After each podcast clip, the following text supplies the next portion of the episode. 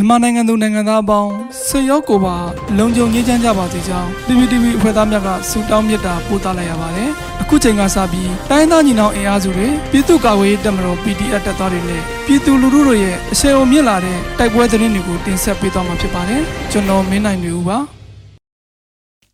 ပထမဆုံးတင်ဆက်ပေးမှာကတော့ခံယူတပ်မှနေမြေ9ခုတွင်အော်တိုဘာလအတွင်းစစ်ကောင်စီတပ်နဲ့တိုက်ပွဲ158ကြိမ်ဖြစ်ပွားပြီးစစ်ကောင်စီတပ်မှတရင်မှုတအူတက်ခွက်မှုတအူဗုံမှုတအူအပါအဝင်282ဦးသေဆုံးပြီး266ဦးဒဏ်ရာရရှိတဲ့တဲ့တင်မှာ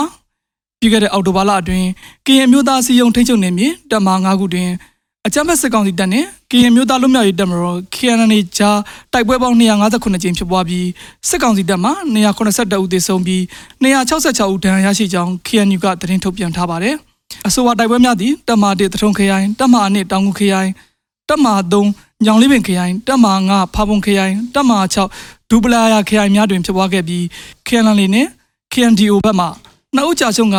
ထိခိုက်ဒဏ်ရာရရှိသူပေါင်း20ရှိကြောင်း KNU ထုတ်ပြန်ချက်တွင်ရေးသားဖော်ပြထားတာပါ တပ်မ1နေမြေတထုံခရိုင်တွင်တိုက်ပွဲ48ကြိမ်တပ်မ2တောင်ခရိုင်တွင်တိုက်ပွဲ5ကြိမ်တပ်မ3ညောင်လေးပင်ခရိုင်တွင်တိုက်ပွဲ6ကြိမ်တပ်မ5ဖာပုံခရိုင်တွင်တိုက်ပွဲ204ကြိမ်တပ်မ6ဒုပလာယာခရိုင်တွင်တိုက်ပွဲ73ကြိမ်ဖြစ်ပွားခဲ့ကြောင်းသိရပါတယ်ယခုတိုက်ပွဲများဟာအကြမ်းဖက်စစ်ကောင်စီတပ်လက်အောက်ခံကရင်နယ်ခြားဆောင်တပ် BGF နဲ့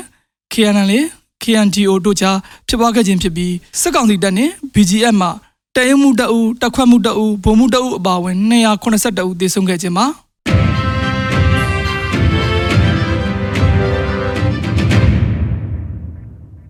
ဆက်လက်ပြီးဖဲကုံမှာပြည်သူ့ကာကွယ်ရေးတပ်ပေါင်းစုနဲ့စစ်ကောင်စီတပ်တို့တိုက်ပွဲအပြင်းထန်ဖြစ်ကာစစ်ကောင်စီဘက်မှ20ခန့်သေဆုံးတဲ့တဲ့ရင်ကိုတင်ဆက်ပေးကြပါမယ်။ရှမ်းပြည်နယ်နဲ့ကယားပြည်နယ်နယ်စပ်ဖဲကုံမြို့နယ်ခေါင်းဝိကျေးရွာနဲ့ဆက်တော်ကျေးရွာအနီးတစ်ဝိုက်တွင်နိုဝင်ဘာလ၄ရက်နေ့စစ်ကောင်စီတပ်များနဲ့ပြည်သူ့ကာကွယ်ရေးတပ်ပေါင်းစုတိုက်ပွဲဖြစ်ပွားရာစစ်ကောင်စီဘက်မှ20ခန့်အနည်းဆုံးသေဆုံးကြောင်း Ranko PTF မှပြောပါရယ်။နိုဝင်ဘာလ၄ရက်နေ့ဖဲကုံမြို့နယ်ခေါင်းဝိကျေးရွာနဲ့ဆက်တော်ကျေးရွာအနီးတစ်ဝိုက်တွင် စစ်ကောင်စီနှင့်ပြည်သူ့ကာကွယ်ရေးတပ်များတိုက်ပွဲပြင်းထန်စွာထပ်မံဖြစ်ပွားခဲ့ပြီးမြေပြင်ရဲဘော်များ၏အတည်ပြုချက်အရစစ်သား20ခန့်အနည်းဆုံးသေဆုံးကြောင်းပြည်သူ့ကာကွယ်ရေးတပ်ပေါင်းစုတွင် Ranko PDF, Phegon PDF, KA ဒီမော့ဆို PDF, မိုးပြတ် PDF, အလဲပိုင်းတိုင်း PDF, KGZ, KNDS စသည့်အဖွဲ့အသီးသီးလည်းပါဝင်တိုက်ခတ်ခဲ့ပြီးအလဲပိုင်းတိုင်း PDF မှာရဲဘော်တအုပ်ထိခိုက်ဒဏ်ရာရရှိခဲ့ကြောင်း Ranko PDF မှာပြောပါရယ်စစ်ကောင်စီဘက်ကလက်နက်ကြီးအင်အားအလွန်ကျွံသုံးစွဲမှုနှင့်ရွာများရှိပြည်သူနေအိမ်များကိုမိရှို့ဖျက်ဆီးခြင်းများ ပစ္စည်းများဖျက်ဆီးခိုးယူခြင်းများစဘာခွင့်များကိုဖျက်ဆီးခြင်းများဇက်တိုက်ကျူးလွန်လျက်ရှိကြောင်း Line Copy DA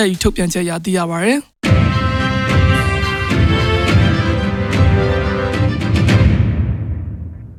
နောက်ဆုံးအနေနဲ့အမျိုးသားညီညွတ်ရေးအစိုးရပြည်ထရေးနဲ့လူဝင်မှုကြီးကြပ်ရေးဝန်ကြီးဌာနကနိုဝင်ဘာလ9ရက်နေ့ရက်စွဲနဲ့ထုတ်ပြန်တဲ့ပြည်သူ့ခုခံတော်လှန်စစ်တရင်ချက်လက်တွေကိုတင်ဆက်ပေးသွားမှာပါ။အာဏာသိမ်းအကြမ်းဖက်စစ်အုပ်စု၏ပြည်သူလူထုအပေါ်အကြမ်းဖက်ဖိနှိပ် ဖမ်းဆီးတိုက်ခိုက်တပ်ဖြတ်နေမှုများကိုပြည်သူလူထုတရားလုံးကအသက်ရှင်သန်ရေးအတွက်မိမိကိုယ်ကိုမိမိခုခံကာကွယ်ပိုင်ခွင့်အရာပြည်သူခုခံစစ် People Defense War ကိုဆင်နွှဲလျက်ရှိပါတယ်။တရင်အချက်လက်များအရာ၄ရက်17လ2021ရက်နေ့မှာရန်သူစီရေးပြစ်မှတ်15နေရာအုပ်ချုပ်ရေးပြစ်မှတ်18နေရာနဲ့စီးပွားရေးပြစ်မှတ်1နေရာတို့ကိုခုခံတိုက်ခိုက်နိုင်ခဲ့ပါတယ်။အာဏာရှင်စနစ်မြမမြေပေါ်မှာအပြစ်တိုင်ချုပ်ငြိမ်းရေးနဲ့ Federal Democracy တည်ဆောက်ရေးအတွက် ငင်းချမ်းစာဆန္ဒပြသည့်လူလူတပိတ်တိုက်ပွဲများကပြည်내နဲ့တိုင်းဒေသကြီးများတွင်ဖြစ်ပွားပေါ်ပေါက်လျက်ရှိပါတယ်။မြေပြင်မှာယခုတွေ့ရှိရတဲ့သတင်းချက်လက်များတဲ့ပုံမှုဖြစ်ပွားနိုင်ပါတယ်ခင်ဗျာ။ရေတော်ဘုံအောင်ရမည်ရေတော်ဘုံအောင်ရမည်